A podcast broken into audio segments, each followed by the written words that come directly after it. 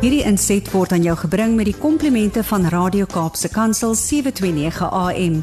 Besoek ons gerus by www.cape pulpit.co.za.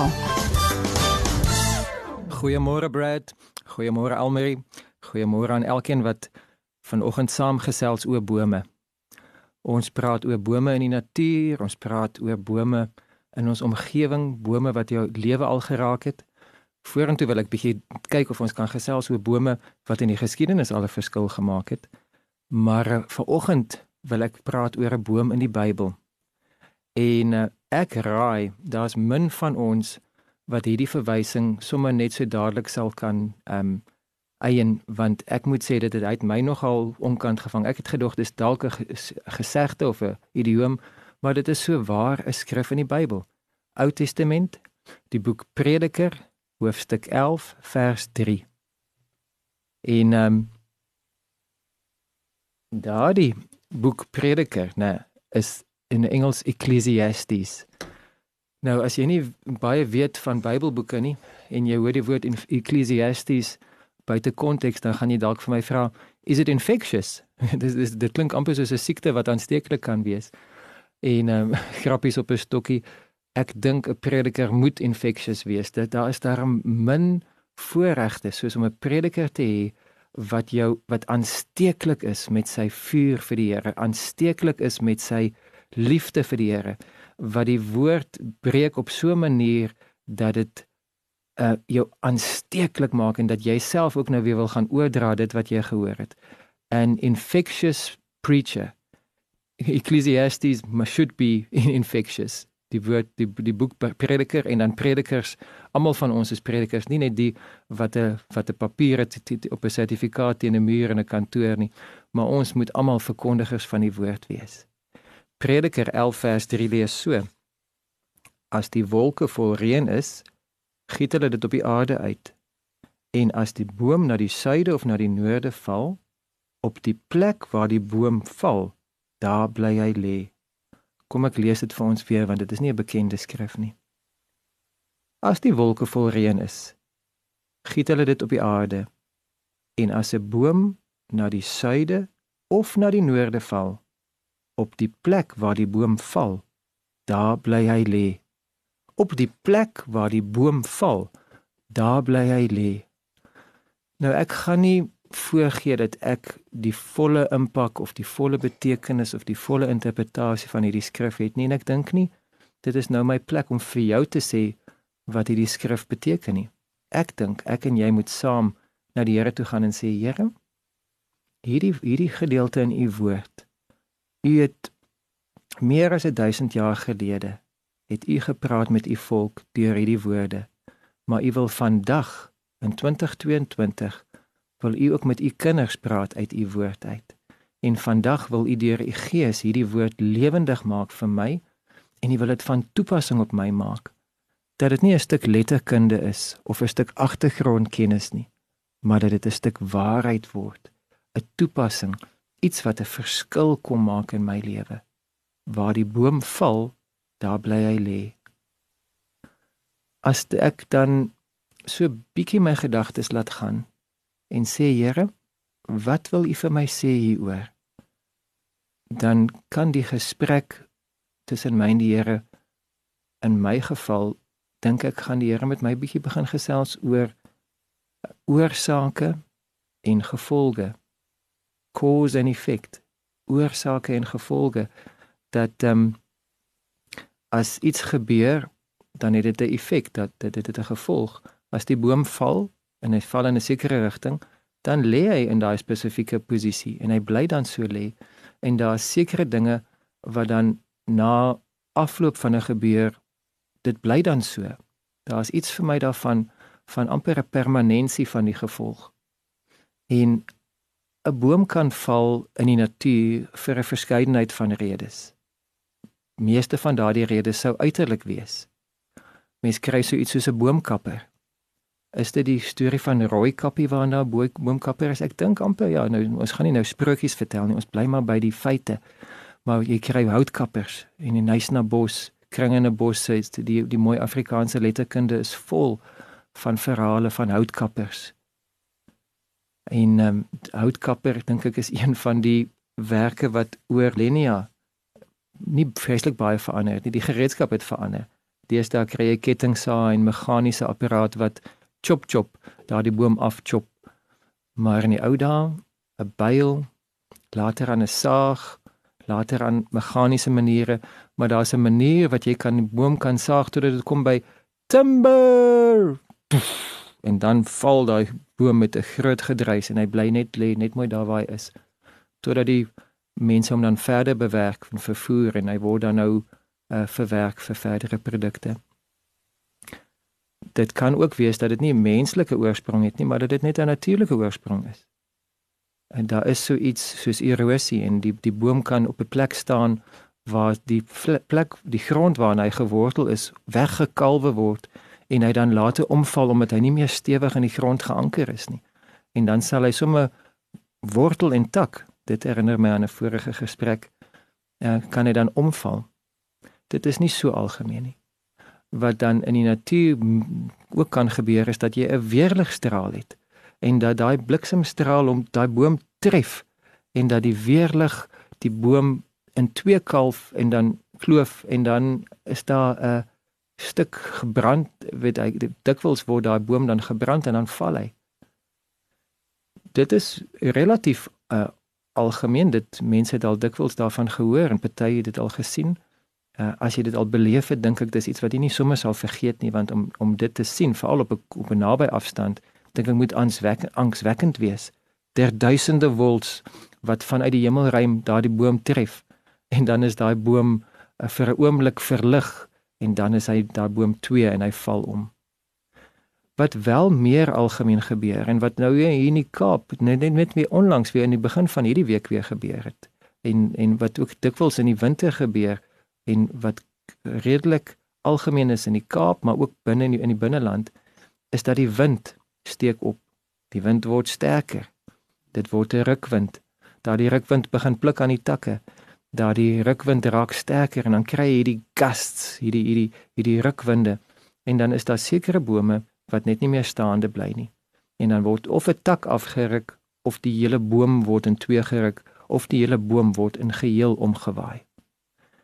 Nou uh by by ons huis is daar 'n uh, 'n boom. Nou ek het ek het ongelukkig is ek nie genoeg van 'n botanikus om al die bome op my erf te kan identifiseer nie. Ek het nou 'n nuwe belangstelling en ek, ek ek wil graag elke boom op sy naam kan noem. Maar daar is 'n boom wat oor jare heen daar staan. Hy is hoër as die as die motorreis. So hy sit verdieping of 2 hoog, 'n en 'n half verdiepings ten minste hoog. En daardie boom het gereeld vir ons seuns 'n kloute plek gegee en hy was ook 'n tipe van 'n leer want met hom kon mense op die motor motorreis se dak geklim het. Die motorreis was 'n plat dak geweest en daardie motorreis gee dan nou ehm um, vir jou toegang om verder te kan sien as net in die erf in. En die boom het lekker klimtakke gehad en so met verloop van tyd het ons gesien dat 'n deel van die boom nie meer so lekker gedei nie. Hy lyk so 'n bietjie dooierig. En aan die begin van die jaar het my twee jongste seuns vir my uitgewys en gesê: "Pappa, hierdie boom is siek." En hulle het vir my gewys aan die binnekant is is is, is sy kern is nie kerngesond nie sy kern is vrot. En uh, ek het kennis geneem, maar ongelukkig nie aggeslaan daarop nie. Ek het nie regtig gereageer daarop nie. En toe nou met onlangse rukwinde, toe hoor ons 'n groot slag.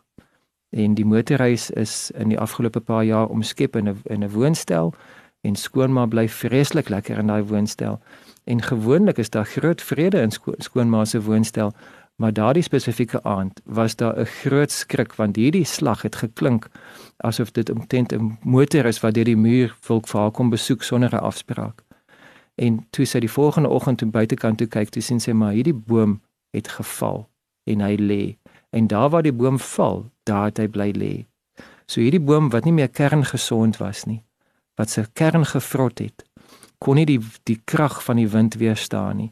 En die boom het geval 'n 'n deel van ons geet sal moet vervang word genadiglik my buurman het toe nou gaan kyk en daar's nie skade nie. Hy het amper sy internetkonneksie verloor, maar hy is gelukkig 'n baie geduldige man en hy het ons nie beskuldig van van nalatigheid of iets nie. So daar is nie skade aan sy kant nie, daar's minimale skade aan ons kant, maar daai boom sal nooit weer lewe nie. Ons sal hom waarskynlik op 'n stadium wortel en tak uithaal. Nou daai boom se vrot het my laat dink daaraan dat dit was 'n innerlike oorsaak vir hom om te val. Dit was uiterlik was dit die wind, maar ek dink as daai boom gesond was, sou hy hierdie winter net soos wat hy die vorige dekade of meer se winterwinde oorstaan, deurstaan het, hy sou bly staan het. Daai wind was nou was was skerp, maar dit was nou nie so skerp geweest nie. En daar is natuurlik ehm um, die geval dat hierdie vrot lankal kon behandel gewees het. Maar omdat ek nie die nodige kennis of aandag daaraan gegee het nie, het of nie hulp ingeroep het nie, het ons nie die boom gered nie en nou is hy daarmee heen. Nou laat dit vir my dink aan my eie lewe. Daar is sekere gebeurtenisse in my lewe wat maak dat ek soms struikel, soms val. Uiterlike omstandighede. Uh, ek kan dink aan iets soos 'n 'n pandemie, ek kan dink soos iets soos 'n resessie, ek kan dink aan aan dinge soos omstandighede wat heeltemal buitekant my beheer is. Ek kan nie persoonlik vreeslik baie aan die petrolprys verander nie.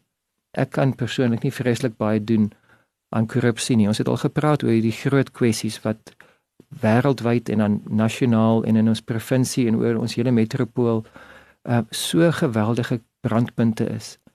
En ek het nie noodwendig die vermoë om as individu vreeslik baie daaraan te kan doen nie. En as sulke uiterlike omstandighede dan veroorsaak dat my lewensboom val, dan moet ek voor die Here gaan gaan lê, letterlik lê dan nou en sê Here, hoe moet ek nou maak? Hoe hoe, hoe, hoe nou vorentoe? Maar daar is ook ander omstandighede wat nie uiterlik is nie, maar wat innerlik my kern begin weg wegvreet. amper 'n vorm van morele kanker, amper 'n vorm van uh die kei wat innerlik is. En die Here wil nie uiterlik net 'n klomp uh spalte of of steunpilare of 'n uh, 'n fiberglass casing rondom my boom sit en my soort van artificial met 'n scaffolding en 'n klomp staalstrukture soort van uiterlik kom kom probeer ondersteun nie. Hy wil na die hart van die saak toe gaan. Hy wil na die kern toe gaan en die kern aanspreek. Hy wil hê dat ek moet kerngesond wees. En in die geval van 'n mens is dit dan die hart. Biologies, fisiologies is die hart een van die organe wat homself nie kan vernuwe nie. As ek my vel beskadig, maak hy roofie en tot 'n groot mate meeste van die tyd dan herstel daai vel weer heeltemal en dan is daar se nie meer 'n sigbare teken van daai skade nie want die vel kan regenereer. Baie my lewer byvoorbeeld is een van die organe wat tot 'n groot mate baie van die abuse wat ek hom gee kan herstel. Maar my hart as hy beskadig is, dan verswak dit my hart en dan verkort dit my leeftyd. En as die hart dan teen volle verswak is, dan is dit of die einde van my lewensduurte of as ek dan bevoorreg is om daar eh, daai hulp te kan kry, mag ek moontlik in sekere mediese voorwaardes kwalifiseer vir 'n hartoortplanting. Chris Barnard en sy die die die mense wat in sy voetspore gevolg het, maak dat mens fisies 'n nuwe hart kan kry in sekere omstandighede en dit verleng dan jou lewensduurte met etlike etlike dekades in geestelike terme kan ons hart wel vernuwe. Romeine 12 vers 1 en 2 praat van be renewed in your mind. En as my mind renewed dan renewed it ook my hart. Maar die Here wil nie net 'n renewal doen nie, hy wil 'n replacement doen. Hy wil vir ons 'n nuwe identiteit gee, 'n nuwe hart. En hy wil vir ons 'n hartoortplanting gee. By bekering kry ons 'n splinte nuwe hart. Maar dit kan ook wees dat jy daai splinte nuwe hart voor die Here moet hou en sê Here, die my die hart, die kern van my hart is nie meer gesond nie. Kom as 'n chirurg in. Kom as my vader, kom as my vriend en kom help my met 'n nuwe hart. Dankie Here dat U my help. Dankie dat U 'n hartoortplanting gedoen het en dat U my help om my hart en my gedagtes te vernuwe. Dankie vir U groot hand op my lewe. Dankie dat U my kan kerngesond maak.